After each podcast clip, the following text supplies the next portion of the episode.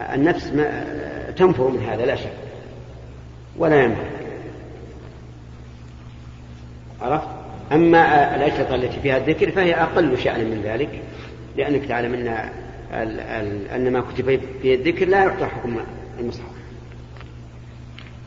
لكن مهما عظمت كلام الله وذكر الله فهو خير لك. ثم هناك جهاز جهاز يمحى جميع اللي في الشريط ممكن الإنسان يشتريه وإذا استغنى عن الأشرطة هذه سحبها عليه ومحت مرة. نعم. يقرب شوي نعم. السؤال يلا يلا. فضيلة الشيخ عفى الله عنك. ما هو حكم الشرع بالنسبة إلى استخدام السائق والخادمة؟ أرجو التفصيل. نعم. أولا آه، أنا أنهاك أن تقول لشخص ما حكم الشرع. لأنك إذا لأن الشخص قد يخطئ ويصيب. ويقول هذا حكم الشرع وليس حكم الشرع إلا إذا قيدت قلت ما حكم الشرع في نظرك؟ لا بأس. أو ماذا ترى في كذا استقدام الخادم والخادمة لا شك أنه من الترف. ويقولون إن في الترف التلف إلا عند الحاجة. إذا دعت الحاجة فلا بأس باستقدامهما لكن يكون كل منهما مسلما. نعم. حكم استجلاب الخادمات الكافرات داخل المملكة العربية السعودية. هذا أجبنا. كافرات. قلنا لا تستقدم إلا مسلمة لا تستقدم إلا خادمة مسلمة وأيضا معها محرمها إلا عند الضرورة إذا لم تجد مسلمة وأنت مضطر إلى الخادمة فأتي بها مع محرمها. لأن الخادمة الكافرة في الحقيقة أولا كيف الإنسان يبقي عنده في بيته من كان عدوا له ولله؟ كيف يرضى بهذا؟ ثانيا بلغني أن بعض الخادمات من نصحهن إذا أصبحنا كنا للصبيان الصغار قولوا المسيح المسيح ابن الله. قولوا يا يا مسيح يا ربنا المسيح وما أشبه ذلك. هي جاءت بهذا اجتهادا منها لأنه دينه. فيخشى من من مثل هؤلاء النساء أن يضللنها العائلة. ثم إنها إذا إذا كانت عندك في البيت وأذن المؤذن وقام الناس يصلون وهي لم تصلي. ثق بأن شأن الصلاة سوف يخف في في قلوب الناس. ويقولون الصلاة من شاء صلى ومن شاء لم يصلي. ففي استجلاب الخدم الكافرات محاذير كثيرة. نعم. آه، إمام مسجد استلم المسجد بعدين وكل واحد يعني هو يستلم الراتب ويقاسم الراتب هل إنه يجوز يعني؟ إمام استلم المسجد وأقام من يصلي عنه من يصلي عنه بالراتب أو ببعض الراتب. أرى أن هذا لا يجوز. إذا كان هذا الذي أقامه مقامه إذا كان هذا الذي أقامه مقامة إذا كان أهلا للإمامة فليتقدم هو بنفسه ويكون إماما. إذا لم يكن أهلا للإمامة إما لصغر سنه أو لكون النظام لا, لا, لا يوظف مثله فلا يجوز أن يتصدر عليه. نعم. واحد من الإنسان بسم الله الرحمن الرحيم. ما حكم القيء؟ من أي ناحية؟ من ناحية النجاسة. القيء ليس بنجس. سواء من الصغير أو من الكبير. إلا إذا وجدت وجدت دليلا عن الرسول عليه الصلاة والسلام فخذه. لأن القيء كما تعلم يكثر وقوعه من الناس. فإذا لم نجد في القرآن ولا في السنة أنه نجس فليس بنجس كما أنه لا ينقض الوضوء أيضا. نعم ما حكم سفر المعلم لوظيفة في قرية من قرى المدينة من المنطقة التابعة لتخرجها لتخرج مع السائق التابع لنقل المعلمات ومعه والدته أو زوجته أو أخته ومع, مجموعة من المعلمات. نعم. خروج المرأة مع السائق إذا كان معها نساء وليس سفر بل لضواحي البلد. أو أبعد من ذلك لكنه لكنها ترجع في يومها فلا حرج في ذلك. لأن الممنوع واحد من أمرين إما السفر وإما الخلوة. وهنا لا سفر ولا خلوة. نعم. فضيلة الشيخ السلام عليكم. ما حكم تأخير السنة الراتبة إلى وقت آخر؟ يعني عندما يخرج الوقت آه، الظهر يبدأ بتحية المس... آه، السنة الراتبة في وقت العصر أو المغرب إلى العشاء.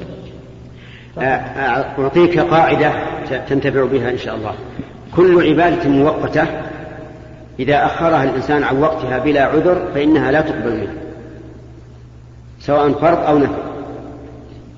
والرواتب مؤقتات ولا غير مؤقتات؟ مؤقتات إذا أخرتها عن وقتها لغير عذر فلن تقبل منه. وإن أخرتها لعذر فأي فمتى زال العذر فصلها لقول النبي صلى الله عليه وعلى آله وسلم من نام عن صلاة أو نسيها فليصلها إذا ذكرها لا كفارة لها إلا ذلك. نعم. بالترتيب. بسم الله والصلاة والسلام على رسول الله. عظم الله لك أجر يا شيخ ووفقنا وإياك إن شاء الله وجميع الحاضرين والسامعين آه، في الحقيقة في ملاحظة قبل السؤال. حاولت أنا كثيرا من الرياض نتصل بالهاتف فلم نستطع بعض الزملاء. فأرجو إذا كان أنه يطال فترة الاتصال بالهاتف حتى يتمكن الناس من خارج المنطقة من الاتصال. فلكم النظر إن شاء الله فيما بعد في هذا سؤالي هو سؤال لي ولبعض الزملاء في العمل وهو متعلق بالعمل. آه، نحن دكاترة في الجامعة ندرس مادة الإدارة والتسويق وخلافها. وطلب منا التعاون مع مؤسسة النقد العربي السعودي والمؤسسة يتبعها معهد اسمه المعهد المصرفي. آه، يدرس في هذا المعهد طلاب أو موظفين موظفي البنوك التجارية. يقوم بتمويل المعهد المؤسسة مع المعهد بالإضافة إلى أن هناك رسوم للدراسة تقدم من الموظفين يدفعها البنك عنهم. طلب منا في الجامعة التعاون مع المعهد هذا التدريس. فسؤالنا هو عن حكم التدريس في مثل المعهد هذا. مع العلم أنه التدريس هذا طبعا لا يتعلق بالنواحي المالية أو الربوية إنما يتعلق بالنواحي الإدارية. ويدور السؤال حول الرسوم التي تدفع من البنوك أيضا. يشترك تشترك فيها المؤسسة مؤسسة النقل العربي السعودي بالإضافة إلى الرسوم التي يأخذونها من من البنوك. فسؤالنا هو عن وظيفتنا نحن في مثل المعهد هذا كتعاون معهم في التدريس. هل تتعاونون على إثم وعدوان؟ ما هو هذا اللي نسأل عنه يا شيخ. أسألك أنا. أنا ما هل, يقول هل يقولون إيه تعلمون الربا وكيف نستغله وكيف نحصل عليه؟ ذكرت لك يا شيخ إنه في جانبين في النواحي الإدارية. تعلمهم كيف يديرون العمل. نعم. كيف يتعاملون مع الناس مع الناس. يعني لا لا تعلمهم النواحي الربوية وكيف يديرون عملية الربا. لكن السؤال هو أنهم سوف تتقاضى الأجر. يعني الأجر أتى أصلا من دفع رسوم الدراسة. نعم. ليس فيه شيء. لأن دفع رسوم الدراسة ليس ظلما ولا اكراها بل هو باختيار الدارس. أليس كذلك؟ نعم. إذا مأخوذ عن طيب نفس منه. فهل هذا يعني أنه نفصل بين أنه إذا كانت تدرسهم المعاملات الربوية والنواحي المالية وتدرسهم شيء آخر يتعلق بالوظيفة؟ حتى تدريس المصارف الربوية أو العقود الربوية إذا كنت تدرسها من أجل أن تبين حرمتها وأنها لا تجوز هذا طيب. يعني في بيان حق. لكن حتى لو كنت تعرف أن الشخص هذا أنا سوف أدرس النواحي الربوية نأخذ الجانب الآخر. ولكن أعرف أنه سوف يطبقها وسوف يتعامل بها حتى وإن بينته. لا إذا علمت أنه سيطبقها لا لا تعلم. كل عمل مباح تعرف إن صاحبه أو يغلب على ظنك أن صاحبه يستعمله بالمحرم لا لا تعرف وإذا كان من نواحي غير الربويه ما فيها شيء ما أرى فيه شيء نعم. فضيلة الشيخ امرأة تأتيها زكوات وتعرف بعض الفقراء المدينين لها. هل تأخذ هذه الزكاة تقاضيا لحقها؟ نعم. هذا لا يجوز. لا يجوز أن إذا أعطي الإنسان زكاة لا يجوز أن يخص بها غرماء الذين يطلبون. لأن هذا محاباة. لكن إذا كان صادقا فليقل للذي أعطاه الزكاة يا فلان أعطيتني الزكاة وزعها وأنا أطلب فلان وفلان كذا وكذا. هل تسمح أن آخذ الزكاة عن هؤلاء؟ إذا قال نعم لا بأس.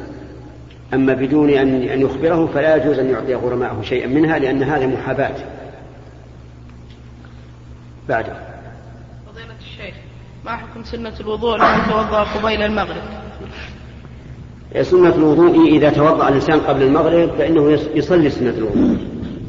لأن القول الراجح من أقوال العلماء أن كل صلاة لها سبب فإنها تفعل ولو في وقت النهي. وأن النهي إنما هو عن الصلاة التي لا سبب لها. خذوا هذا. كل صلاة لها سبب صلها ولو في وقت النهي. مثل سنة الوضوء وغير تحية المسجد. صلاة الكسوف. نعم. صلاة الاستخارة إذا كان يفوت الشيء قبل قبل زوال وقت النهي. فالمهم أن كل صلاة لها سبب فلا نهي عنها. نعم ذكرناها. تعيث المسجد. نعم. شيخ جزاكم الله خير.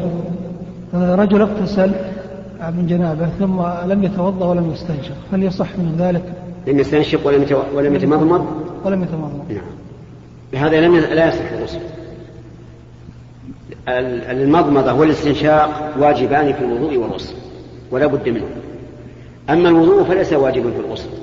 يعني لو أن الإنسان تمضمض واستنشق وانغمس في بركة ناويا رفع الجنابة فلا حرج عليه.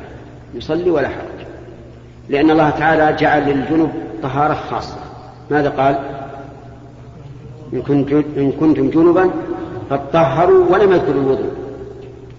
فدل هذا على أن فرض الجنوب أن, أن يتطهر وإن لم يرتب وإن لم يتوضأ. نعم. لا بد من المطمئن والاستنشاق. لا بد منها في الغسل والوضوء. نعم. عفى الله عنكم آه، امرأة يعني تزوجت آه، بولي أمر البعيد. مع وجود القريب وبعد ذلك أقر. ما حكم هذا الزواج؟ يعني القريب أقر النكاح. أقر النكاح سواء كان في الأسبوع الأول أو بعد يعني مضي سنين عديدة. نعم. وإذا ك... طيب. طيب. يترتب عليه يعني سؤال آخر قصير. مثلا إذا كان هذا هو يعني لا بأس عنده مثلا المذهب هل يعني إذا كان الصحيح أنه ما يجوز مثلا يعني الشخص يفتي بعدم جواز ذلك؟ وعلى كل حال المشهور عند فقهاء الحنابلة أن هذا لا يصح. يعني لا يصح تزويج البعيد مع وجود, القريب ولو أذن له بعد ذلك. وعلى هذا فيجب إعادة إعادة آه، العقد. وما حصل من ذرية قبل ذلك فهي آه، للرجل كما أنه للمرأة. ولكن القول الراجح أنه إذا أقر الولي القريب عقد الولي البعيد فإن النكاح صحيح. نعم. بالترتيب يا أخواني بالترتيب. جزاكم الله خير. والمصلحة للجميع نعم يلا يا أخي. هل تقبل أيمان الكفار عموما أم لا تقبل إلا من أهل الكتاب فقط؟ هل تقبل إيش؟ أيمان الكفار. أيمان؟ الكفار. قال النبي عليه الصلاة والسلام البينة على المدعي واليمين على من أنكر. وهذا عام. والخصومات يستوي فيها الكافر والمسلم والكتاب وغير الكتاب. ولهذا حتى لو لو فرضنا رجلان أحدهما مسلم والثاني كافر جاء يختصمان إلى إلى قاضي. لا يجوز أن يقدم المسلم على الكافر. بل يجعلهما جميعا بين يديه. حتى بالدخول ما يقول للمسلم يدخل قبل الكافر. يجعل الدخول موكولا إليهما إن دخل هذا قبل هذا ما عليه منه. في الجلوس لا لا بد أن يجلسهما أمامه على حد سواء. في النظر إليهما في بسط الوجه يجب أن يكون سواء أيضا. لأن هذا حكم. والحكم يجب فيه العدل. قال الله تعالى يا أيها الذين آمنوا كونوا قوامين لله شهداء بالقسط ولا يجرمنكم شنآن قوم على ألا تعدلوا. اعدلوا هو أقرب التقوى يا فضيلة الشيخ قبل كان من هدي النبي صلى الله عليه وسلم قبل النوم أن ينفث في كفيه. ما أدري يعني يقرأ قل الله أحد والناس الفلق. ما أدري وش الصفة يعني. الصفة أنه يقول هكذا بيديه يعني يضم بعضهم إلى بعض ثم ينفث فيهما ويقرأ قل هو الله أحد قل أعوذ برب الفلق قل أعوذ برب الناس ويمسح بهما وجهه وما استطاع من بدنه. مرة واحدة ثلاث مرات يعني مع بعض. ثلاث مرات. مع بعض. نعم. النفي قبل أو بعد. ظاهر الحديث أن أن نفسه يكون قبل.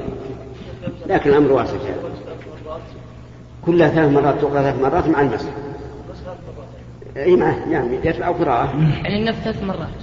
النفس ثلاث مرات والقراءة ثلاث مرات. أسأل يا شيخ جزاك الله خير. آه، بالترتيب. وأنا ميكروفون شو؟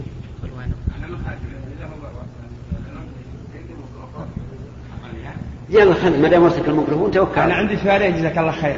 لا واحد بس. كلهم جزاء واحد جزاك الله خير مثل هذه الدولة اللي وقعت بين المسلمين هي اليهود. فيما نرى أن نوجه لها كلام إرشاد إذا كانوا يقبلون الإرشاد. في مثلا كيف يسلمون وكيف وعسى أن يسلموا ويسلموا ويسلم الجميع. كما قال رسول الله كما قال الله سبحانه وما وما أرسلناك إلا كافة للناس. نعم. بارك الله فيك. طيب. والسؤال الثاني فهذا يعني من جهة اليهود يجب أن يوجه لهم كلام كيف يسلمون وكيف كذا نعم. عن طريق الإذاعات وإذا كانوا يقبلون الإرشاد يرشد يدخلون إليهم مرشدين. وفلسطين عندهم تقصير واجد والمسلمين عندنا تقصير حنا في أنفسنا والكمال لله سبحانه. الشيء الثاني عندي سؤال عن كيف التالف من المس... من المصاحف في البيوت وفي المساجد كيف نعمل بها؟ إيه. أرشد أرشدكم الله الجميع والمسلمين. طيب. أما المسألة الأولى فلا شك أنه واجب على المسلمين أن يدعوا عباد الله إلى دين الله من اليهود والنصارى وغيرهم. قال الله تبارك وتعالى ادع إلى سبيل ربك بالحكمة والموعظة الحسنة. ولكن هذا الواجب في الواقع قد أضاعه المسلمون إما عزا منه أو يأسا أو غير ذلك من الأسباب التي نعلم بعضها أو لا نعلمها. ونسأل الله تعالى أن يعيد للأمة الإسلامية عزها وكرامتها حتى تستطيع أن تدعو أن تدعو الناس إلى دين الله أو إلى الخضوع لدين الله. لأن الواجب أن نقاتلهم إلى إلى أن يسلموا أو يعطوا الجزية عن يد وهم صغروا أما السؤال الثاني فالمصاحف التالفة تحرق. كما فعل الصحابة رضي الله عنهم حين أحرقوا المصاحف الزائدة عن مصحف عثمان. تحرق وتدفن في مكان نظيف. نعم. لا أحسن تحرق لأنه ربما إذا حفرت حفرة تنبش فيما بعد. نعم. شيخ أحسن الله إليك. بالترتيب يا أخوان. يا شيخ الله عفى الله عنك. ما حكم من أغمي عليه لمدة أربع أيام وزيادة بسبب جلطة وبعدها أفاق وعدت عليه الجلطة هذه فيسأل هل يقضي ما فاته من الصلاة؟ ماذا يفعل؟ الصحيح أنه لا قضاء على المغمى عليه إذا كان بغير بغير اختيار. يعني حتى ولو كان ببنج أو مثلا لا أنا قلت بغير اختيار. من أجل أن تعرف أنه إذا أغمي عليه باختياره فعليه القضاء. والبنج يغمى عليه باختياره. يعني لو بنج الإنسان ولم يصح من البنج إلا بعد يوم أو يومين فعليه القضاء. لكن إذا كان بغير اختياره مثل كما قلت جلطة أو صدمة أو سقوط من جدار أو نحوه فلا, فلا قضاء عليه. إلا الصوم. الصوم لا بد أن يقضي حتى وإن كان مغمى عليه لأن الصوم ليس كالصلاة تتكرر كل يوم. ولهذا أمرت الحائض بقضاء الصوم ولم تؤمر بقضاء بقضاء الصلاة. بعده؟ نعم. أحسن الله إليك. قول النبي صلى الله عليه وسلم إذا مررت بقبر قول النبي إيش؟ قول النبي صلى الله عليه وسلم إذا مررت بقبر صلى الله عليه وسلم. صلى الله عليه وسلم. أي بين يا أخي جزاك الله خير. لك أجر. قال النبي صلى الله عليه وسلم نعم. إذا مرت بقبر الكافر فبشره بالنار. نعم. وش يؤخذ من هذا الحديث يا شيخ؟ أي نعم. آه، هذا آه، مراد الرسول عليه الصلاة والسلام الذين دفنوا في حياته. دفنوا في حياته لأنهم آه، غالبهم قامت عليهم الحجة. نعم. فضيلة الشيخ ما حكم من وكله الإمام بالمسجد للصلاة بهم؟ وعندما حضر الوكيل للصلاة منعه المؤذن للصلاة وأقام رجل آخر. وعلة المؤذن في ذلك قلة علم المؤذن. نعم. هذه في الواقع جناية من المؤذن. المؤذن ليس له دخل في الإمامة إطلاقا. الإمامة أمرها إلى الإمام. وليس أحد من الناس يعجز عن أن يؤم الناس. القراءة الفاتحة وما تيسر كل يقرأه الحمد لله. فأرى أن هذا المؤذن هداه الله وعفى عنه فيما سلف هداه الله عما يستقبل وعفى عما سلف أنه أخطأ وتجرأ على حق الإمام وليس له الحق أن يقيم الآخر. وعلى رأي بعض العلماء تكون صلاتهم باطلة وصلاة الذي أمهم باطلة لأنهم ليسوا إماما راتبا ولا نائبا عن الإمام الراتب. لكن نرى أن الإمامة صحيحة إن شاء الله يعني قصدي أن الصلاة صحيحة وأن الفعل محرم. ثم هذا الذي أقامه المؤذن كان يجب عليه أن يقول لا, لا أصلي وفيه وكيل المؤذن وكيل الإمام. لأن وكيل الإمام قائم مقام الإمام. فبلغ هذا المؤذن أن يتوب إلى الله ويستغفر الله وألا وألا يعود لمثلها. شيخ. شيخ. نعم. سؤال سؤال السلام عليكم. السلام ورحمة الله. رجل ترك التشهد الأول سهوا في صلاة الظهر فسجد للسهو بعد السلام. هل في بأس هذا؟ رجل ترك إيش؟ التشهد الأول سهوا. إي نعم. وأكمل الصلاة فسجد للسهو بعد السلام. نعم. آه إذا ترك التشهد الأول فمحل السجود قبل السلام كما جاءت به السنة. ولكن إذا أخره إلى ما بعد السلام نسيانا فلا بأس. وعمدا يكون آثما عند بعض العلماء وعند أكثر العلماء لا يكون آثما. لأن كونه بعد قبل السلام أو بعد عند أكثر العلماء على سبيل الاستحباب وليس على سبيل الوجوب. أما ابن تيمية شيخ الإسلام رحمه الله فيقول ما ورد قبل السلام يجب أن يكون قبل السلام وما ورد بعد السلام يجب أن يكون بعد السلام. فانتبهوا لذلك. وعلى رأي شيخ الإسلام يجب على الإمام أن يدرس سجود السهو. دراسة وافية ويعرف الذي يكون قبل السلام والذي بعد السلام. فضيلة الشيخ. نعم. سؤال واحد فقط لأنه انتهى الوقت. فضيلة الشيخ نحن في مناطق ساحلية نعم. ويتوافد إلى المنطقة كثير من المتنزهين ممن يقصرون الصلاة ويجمعون. ونحن في الهيئة رجال الحسبة يشكل علينا ذلك حيث يتوافد كثير ويتجمعون وقت الصلاة وإذا ما كلموا في ذلك يقولون نحن في سفر ونحن في رخصة مع أن الصلاة تقام والمساجد تصلي لكنهم يتجمعون وربما يختلط علينا بعض أصحاب المنطقة من المقيمين فما توجيهكم في ذلك؟ المساجد القريبة هؤلاء يبين لهم أن الواجب عليهم أن يصلوا مع الجماعة. فإن قالوا مثلا نحن لا نستطيع معنا عوائل وإذا آه، ذهبنا عن العوائل ما ندع نخشى عليهم من الضياع أو غير الضياع فلا بأس. والإنسان مؤتمن على دينه. فما دامت المسألة ما دام قوله محتملا ويمكن أن يكون صحيحا فدعوه. وإلى هنا ينتهي هذا اللقاء. ونعتذر منكم أننا أقلنا الكلام في الواقع. والآن نبنى إن شاء الله الأخ موسى إذا مضى عشر دقائق يشير على إلي على أن نوقف القراءة ويكون الباقي للأسئلة. أعاذنا الله وإياكم على خير وجعلنا وإياكم المتعاونين على البر والتقوى إنه على كل شيء قدير.